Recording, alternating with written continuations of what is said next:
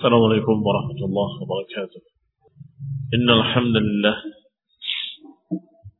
نحمده ونستعينه ونستغفره ونعوذ بالله من شرور أنفسنا ومن سيئات أعمالنا من يهده الله فلا مضل له ومن يضلل فلا هادي له وأشهد أن لا إله إلا الله وحده لا شريك له وأشهد أن محمدا عبده ورسوله صلى الله عليه وعلى آله وأصحابه والتابعين وتابع التابعين ومن تبعهم بإحسان إلى يوم الدين. يا أيها الذين آمنوا اتقوا الله حق تقاته ولا تموتن إلا وأنتم مسلمون. يا أيها الناس اتقوا ربكم الذي خلقكم من نفس واحدة وخلق منها زوجها وبث منهما رجالا كثيرا ونساء. واتقوا الله الذي تساءلون به والأرحام. إن الله كان عليكم رقيبا. يا أيها الذين آمنوا اتقوا الله وقولوا قولا سديدا. يصلح لكم أعمالكم ويغفر لكم ذنوبكم. ومن يطع الله ورسوله فقد فاز فوزا عظيما. أما بعد فإن خير الحديث كتاب الله. وخير الهدي هدي محمد صلى الله عليه وعلى آله وسلم. وشر الأمور محدثاتها فإن كل محدثة بدعة وكل بدعة ضلالة وكل ضلالة في النار. إخواني في الدين أعزكم الله. kaum muslimin yang saya hormati. Masih kita pada bab masalah Isra dan Mi'raj. Dan tentunya ini salah satu dari berita yang wajib diyakini oleh seluruh kaum muslimin. Sehingga dimasukkan oleh para ulama dalam bab al-aqidah. Aqidah ahlu sunnah wal jamaah adalah mengimani bahwa Isra dan Mi'raj adalah hak benar-benar terjadi pada Rasulullah SAW dengan dalil-dalil dalam Quran dan Sunnah. Sebagaimana yang sudah dibacakan, huwa asra بعبده ليلا من المسجد الحرام إلى المسجد الأقصى الذي باركنا حوله Maksudnya Allah yang telah mengisrakan hambanya dari Masjidil Haram ke Masjidil Aqsa. Dan juga berita dalam hadis yang sudah dibacakan kemarin, hadis yang panjang mengisahkan secara detail Isra'nya Rasulullah SAW dan Mi'rajnya ke langit sampai ke Sidratul Muntaha dan diberikan oleh Allah Subhanahu wa taala kewajiban salat lima waktu.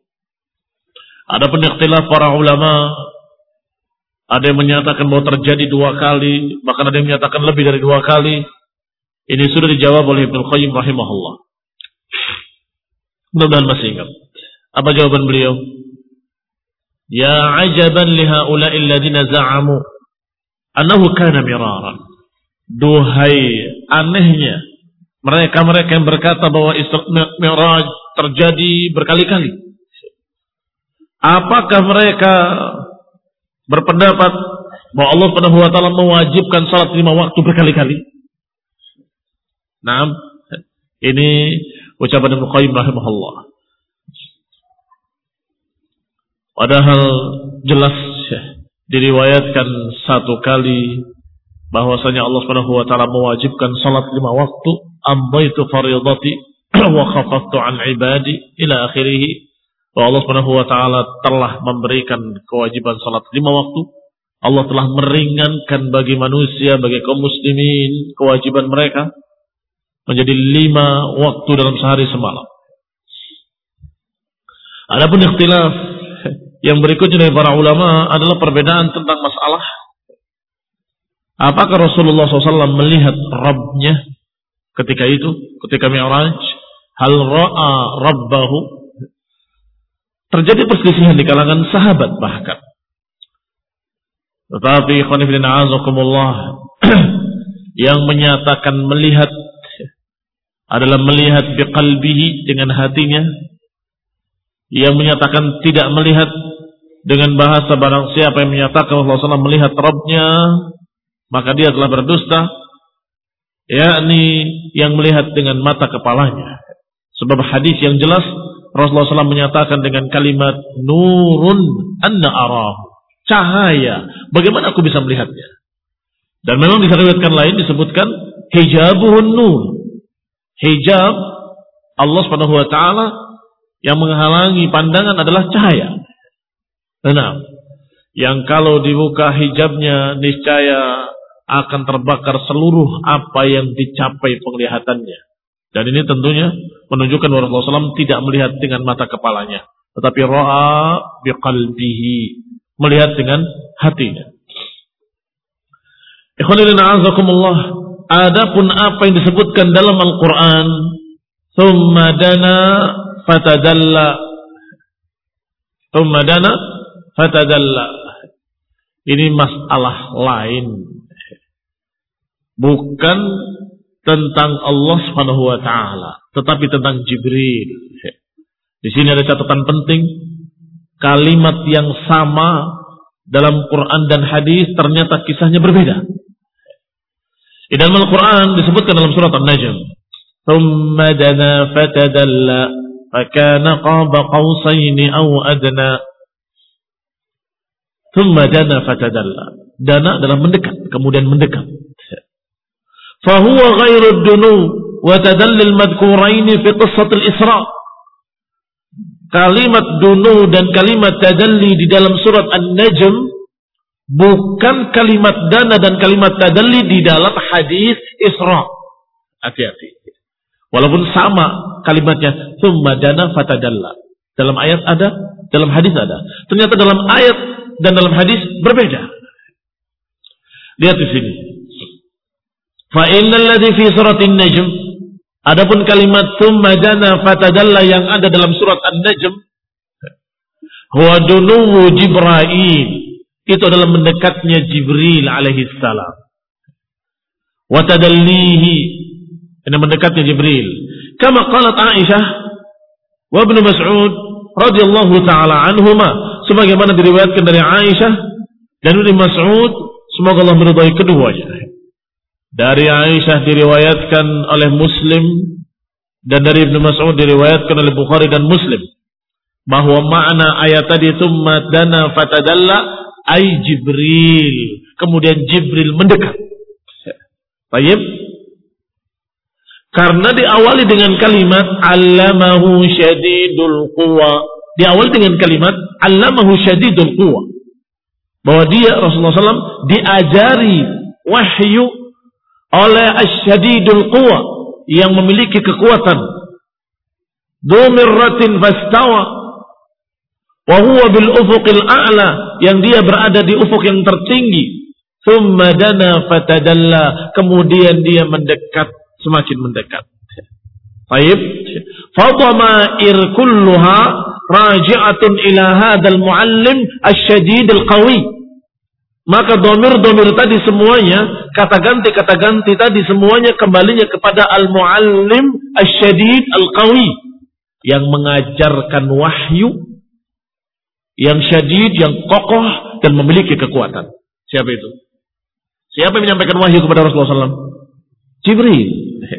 Allamahu syadidul quwa. Maka domir berikutnya ratin fastawa siapa? Jibril. Wahuwa bil ufuqil a'la siapa? Jibril. Thumma dana fatadalla kemudian mendekat siapa? Jibril. Fakana qaba qausaini au adna. Hampir sangat dekatnya sejarak dua panah atau dua lembaran panah atau lebih dekat lagi. Apalagi disebutkan di dalam ayat itu thumma ra'ahu nazlatan ukhra ra'ahu nazlatan ukhra maknanya melihat sekali lagi kalau yang dimaksud melihat Allah tidak dua kali belum pernah Isra Mi'raj kecuali saat itu iya kan Tetapi di alam ayat ini nazlatan ukhra dia melihat yang kedua kalinya. Nazlatan ukhra artinya sekali lagi. Berarti pernah melihat sebelumnya. Ini juga menunjukkan sebagai qarinah bahwa yang dimaksud adalah melihat Jibril alaihi salam karena pernah melihat di dunia dalam bentuk aslinya. Sering Jibril datang tapi tidak dalam bentuk aslinya. Adapun dalam bentuk aslinya Rasulullah SAW melihat sekali di dunia. Dan kemudian melihat Jibril sekali lagi. Nazlatan ukhra. Inda sidratil muntaha. Melihat sekali lagi di sidratil muntaha. Ini melihat Jibril alaihi salam. Amad dunu wa tadallil ladhi fi hadis al-Isra. Adapun mendekatnya kalimat dunud dan kalimat tadalli dalam hadis Isra, tadi kan dalam ayat. Adapun dalam hadis yang mengisahkan tentang Isra dan Mi'raj, fadzalika sarihun bi annahu dunur rabbi, maka itu sangat jelas sekali yang dimaksud adalah mendekatnya Allah, Rabbuna jalla jalaluh, Rabbuna rabbul alamin. Wa tadallihi. Wa amma alladhi fi suratin najm, adapun yang ada dalam surat An-Najm, annahu ra'ahu nazlatan ukhra bahwa beliau oleh salatu wassalam melihat sekali lagi inda sidratil muntaha di sidratil muntaha fahadha huwa Jibril. Ra'ahu marratain. Rasulullah SAW sudah pernah melihat Jibril dua kali.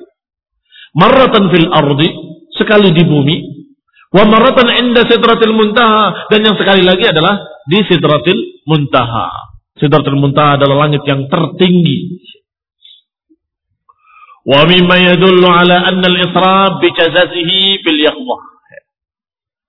Adapun perkara berikutnya sudah dibahas masalah perselisihan apakah sekali atau lebih dari sekali. Ternyata yang rajih sekali. Juga sudah dibahas ikhtilaf apakah dalam keadaan dia melihat robnya atau tidak melihat robnya. Ternyata yang rajih adalah melihat dengan hatinya. Adapun dengan mata kepalanya tidak. Beliau menjawab, nurun anna arahu, cahaya. Bagaimana aku bisa melihatnya? Baik. Yang ketiga permasalahan, apakah Isra dan Mi'raj dengan jasadnya atau rohnya saja? Adapun para aklaniyun, orang-orang yang sangat mendewakan akal, mereka menyatakan mustahil kalau jasadnya. Nanti begini, nanti begitu, dibahas oleh mereka yang katanya gak masuk akal. Kalaupun ada perjalanan yang cepat secepat kilat, tapi apakah jasad mampu? Baru kecepatan sekian saja akan begini mukanya akan begitu muka dibahas secara ilmiah oleh mereka. Mustahilnya jasad berjalan dengan cepat secepat itu.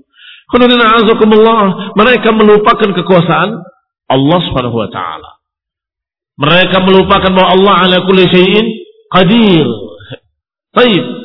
Maka kita tidak bahas dari sisi itu. Tetapi membahas dari sisi riwayat dan ayat. Bahwa ayat Allah subhanahu wa ta'ala menyebutkan dengan tegas abdihi hambanya. Dan hambanya yang disebut hamba adalah roh dan jasadnya. Iya kan? Kalau rohnya saja tidak disebut manusia.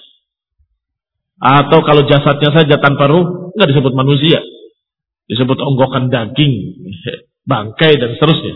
Tapi kalau ada ruhnya, ada jasadnya, baru dia manusia. Allah Subhanahu wa taala berfirman, "Subhanalladzi asra bi'abdihi." Dialah Allah yang maha suci yang mengisrakan abdihi, yang mengisrakan hambanya lailan di malam itu. Minal masjidil haram ila masjidil aqsa, dari masjidil haram ke masjidil aqsa.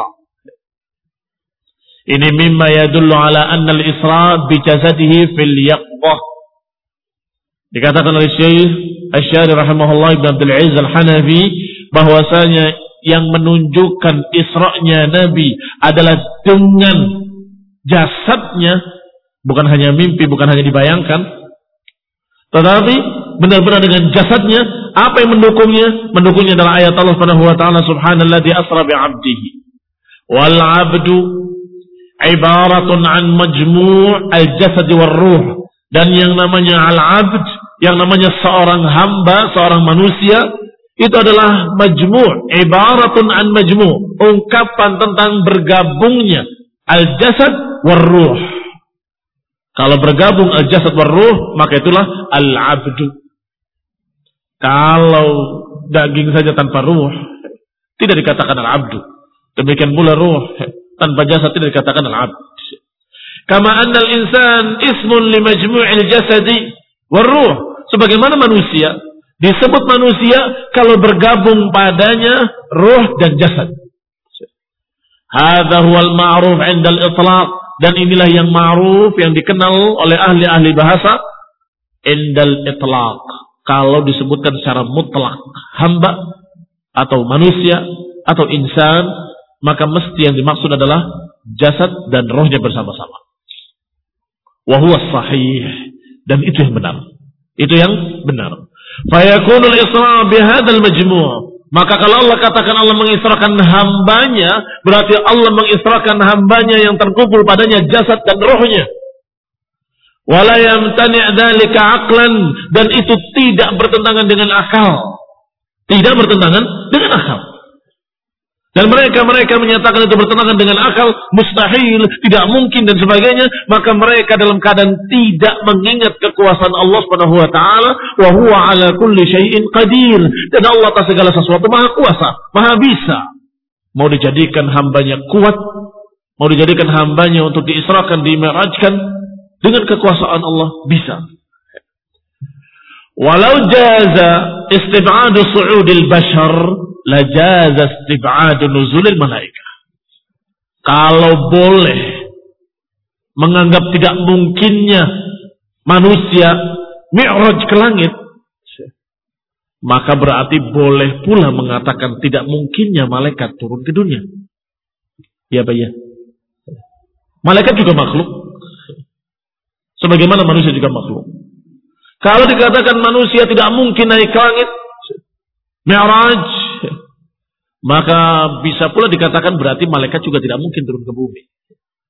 Wadhalika yuaddi ila inkari nubuwah dan itu berarti mengingkari kenabian Rasulullah SAW yang diberi wahyu oleh Jibril min fawqi sab'i samawat yang diberi wahyu oleh Jibril alaihi salam dari langit yang tertinggi dari Allah taala diturunkan sampai kepada Rasulullah SAW.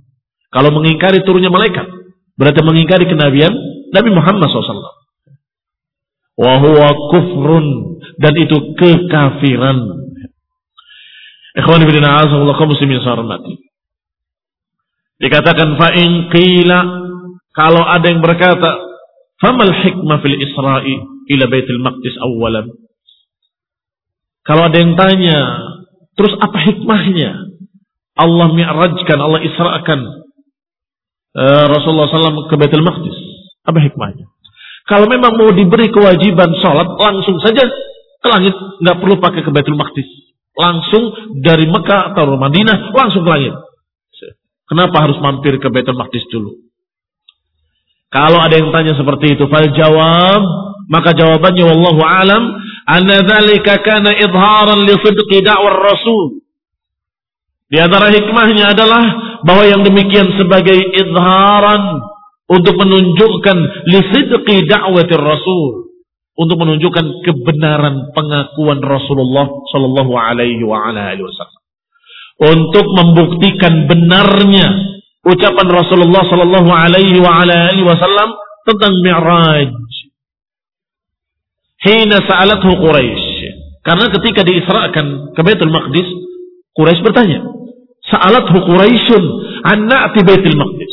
Quraisy bertanya tentang sifat-sifat ciri-ciri Baitul Maqdis. Kayak apa? Kalau kamu memang benar-benar ke Baitul Maqdis, ceritakan kepada kami. Kayak apa Baitul Maqdis? Ditanya oleh Quraisy tentang apa yang dilihat di Baitul Maqdis. Kamu ke sana? Iya. Tapi gimana bentuknya?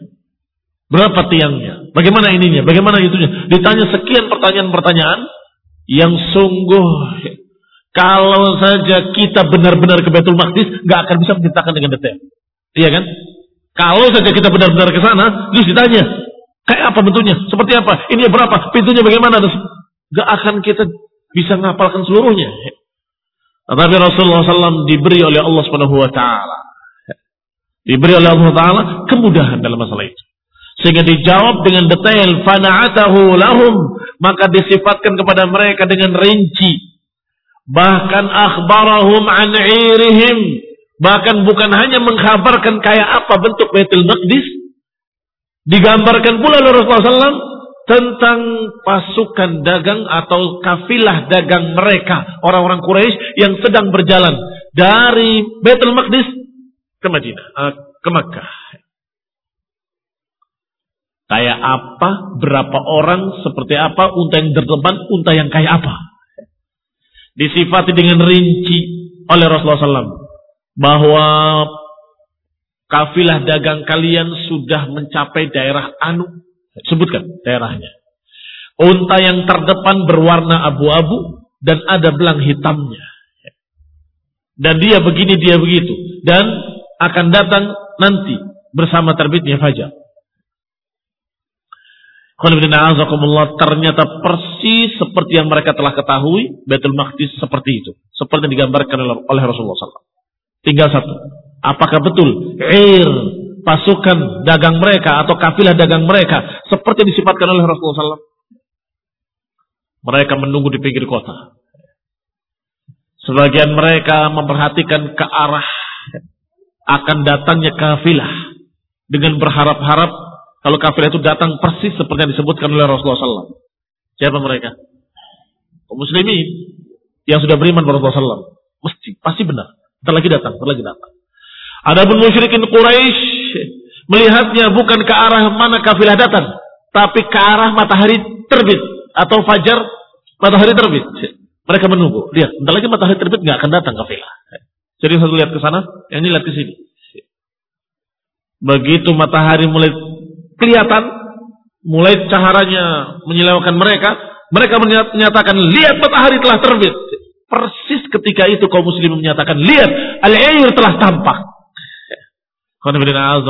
Persis datangnya ketika apa yang digambarkan oleh Rasulullah SAW bahwa akan datang ketika terbit matahari. Ketika semakin mendekat semakin mendekat Ternyata mereka membuktikan kebenaran ucapan Rasulullah SAW. Unta yang terdepan adalah unta yang abu-abu. Dalam keadaan memiliki belang hitam.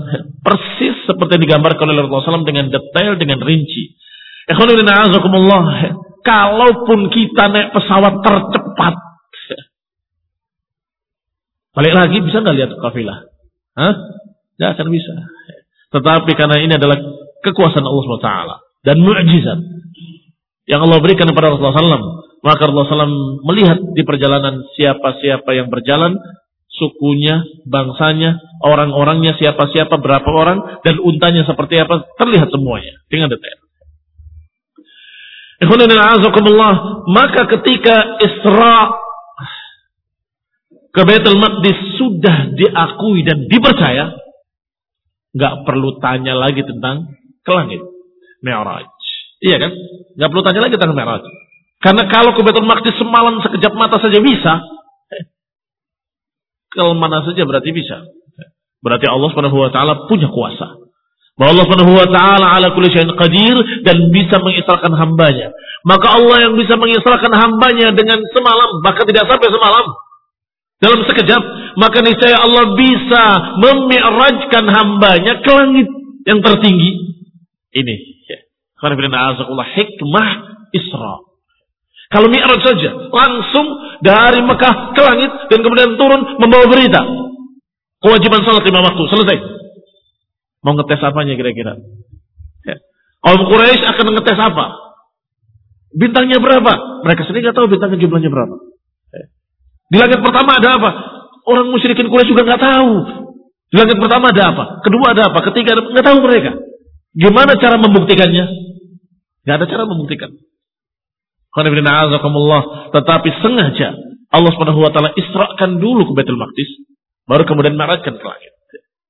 Maka mereka bisa nguji dan ngetes kebenaran Rasulullah SAW. Taib, kalau engkau benar-benar ke Baitul Maqdis, bagaimana masjidnya? Coba sifatkan pada kami, gambarkan pada kami. Digambarkan dengan detail. Sampai setelah digambarkan dengan detail, masih ditanya lagi kafilah yang akan datang yang sekarang dalam perjalanan dari, dari Baitul Maqdis digambarkan pula oleh Rasulullah SAW dengan detail pula. Ini hikmah Isra sebelum Mi'raj. allati marra 'alaiha fi tariqihi walau kana 'urujuhu ila as-sama'i min Makkah lama hasala dhalik kalau saja urujuhu mi'rajnya Nabi ke langit itu langsung dari Mekah lama hasala dhalik nggak akan terjadi yang demikian nggak akan terjadi pengujian-pengujian dari musyrikin tadi idla yumkin ittila'uhu ala ma fis sama karena tidak mungkin menampakkan pada mereka tentang apa yang ada di langit. Karena mereka sendiri tidak tahu. Sehingga mereka tidak bisa mengatakan ya atau tidak. Nggak bisa membuktikan benar atau salah. Karena mereka tidak tahu pula apa yang ada di langit. Lawa akbarahum anhu. Kalau dikabarkan oleh Rasulullah SAW tentang langit. Mereka nggak tahu apakah benar atau salah. Wa tala'u ala baitil maqdis. Adapun baitul maqdis. Laqad tala'u. Sebagian besar mereka sudah pernah ke baitul maqdis. Sudah pernah ke Syam. Bahkan dagangnya orang-orang Quraisy adalah ke Syam dan ke Yaman. Li'ila fi Quraisyin. Ilafihim rihlat syita was-saif kata Allah. Dan karena kebiasaan orang-orang Quraisy yaitu safar, rihlah, rihlat syita was-saif. Rehlah di waktu syita, waktu musim hujan, waktu musim dingin, wasaif dan masuk musim panas. Syita'i ila Yaman wasayfi ila Syam. Dalam tafsir disebutkan kebiasaan mereka berangkat safar di musim panas dan di musim dingin, di musim dingin ke Yaman dan di musim panas ke Syam. Sehingga mereka sangat tahu Syam itu seperti apa dan Betul Maqdis seperti apa. Sehingga mereka bisa menguji dan bisa bertanya, Hayib seperti apa? Betul Maqdis. Dan mereka bisa membuktikan kebenaran ucapan Rasulullah Sallallahu Alaihi wa ala Wasallam. Fa'akbarahum bina'atihi. Maka Nabi pun menghabarkan kepada mereka tentang sifat-sifatnya. Wa fi hadis Mi'raj, wa fi hadis Mi'raj dalilun ala thubut sifatil uluwi lillah. Dan pelajaran penting lainnya dari kisah Isra dan Mi'raj adalah kita mendapatkan faedah penting akidah keyakinan bahwa Allah Subhanahu wa taala maha tinggi di atas seluruh makhluk-makhluknya. Baik, gampang sesungguhnya. Membuktikan bahwa Allah maha tinggi di atas arasnya, di atas seluruh langit-langitnya, di atas seluruh makhluk-makhluknya. Sangat gampang. Kita tinggal tanya kepada mereka, kalian tahu kisah Isra dan Mi'raj? Insya Allah. Seluruh kaum muslimin tahu. Bahkan anak-anak ditanya tahu. Apa itu Isra Mi'raj? Ya ketika Rasulullah SAW uh, diisrakan ke Baitul Maqdis dan naik ke langit. Ke mana itu? Yang menemui Allah. Berarti Allah di mana? Di mana berarti Allah? Karena Allah maha tinggi di atas seluruh makhluk-makhluknya. Di atas seluruh langit di atasnya lagi, di atasnya lagi, di atasnya lagi sampai langit yang tertinggi di atas sidratul muntaha, di atas arasnya maha tinggi di atas seluruh makhluk-makhluknya. Maka tidak ada orang yang menyatakan bahwa Allah Subhanahu wa taala di mana-mana atau menyatakan Allah Subhanahu wa taala bersama kita dalam artian zatnya kecuali orang jahil. Orang bodoh yang dia bahkan tidak mengenali perkara-perkara yang sungguh sangat sederhana. Kalau Rasulullah SAW menemui Allah naik ke langit berarti Allah di mana? Ini perkara yang sangat mudah. Adapun kebersamaan-kebersamaan Allah yang ada dalam Quran dan Sunnah semuanya disebutkan dengan karinah-karinah. Dengan diiringi karinah-karinah pembuktian bahwa maknanya bukan zatnya. Allah dekat artinya kita tinggal meminta, Allah akan kasih. Uji dakwah da'i, kata Allah. Aku bersama kalian, aku mengabulkan doa kalian. Apa maknanya dekat? Yakni Allah Subhanahu wa taala tidak jauh walaupun Allah di atas arasnya, tetapi Allah Subhanahu wa taala dekat dengan kita. Karena Allah Maha besar, Maha kuasa, Maha mendengar, Maha melihat sehingga kamu manusia, makhluk kepada perkara-perkara yang di situ saja Jauh bagi kalian. Kenapa jauh? Karena kalian nggak bisa lihat dengan detail. Kalian nggak bisa tahu apa yang ada di sana. Bahkan nggak bisa mendengar suara bisikan-bisikan di sana. Maka bagi kalian jauh. Tapi bagi Allah, Allah maha mendengar, Allah maha melihat, Allah subhanahu wa ta'ala maha besar. Maka bagi Allah itu sangat dekat sekali, dekat-dekatnya. Dan ini kiasul aula yang diucapkan oleh para ulama, boleh kalau kiasul aula. Kias aulawi. Kias aulawi adalah kalau manusia demikian Allah lebih-lebih lagi. Maka bagi Allah semuanya dekat. Barakallahu fikum. Bagi Allah semuanya dekat. Karena Allah maha mendengar, maha melihat, maha besar. Sehingga jelaslah. Kalau berbicara tentang zat Allah, Allah di mana? Jawab dengan tegas. Allah maha tinggi di atas arasnya. Di atas seluruh langit-langitnya. Allah subhanahu wa ta'ala maha tinggi di atas seluruh makhluk-makhluknya. Taisa fauqahu syai' Tidak ada di atas Allah sesuatu apa pun. Karena Allah yang paling tingginya, yang maha tingginya. Dan ini faedah yang diambil juga dari kisah Isra dan Mi'raj. Barakallahu fikum. Subhanakallah bihamdik. Asyhadu an la ilaha wa atubu. Wassalamualaikum warahmatullahi wabarakatuh.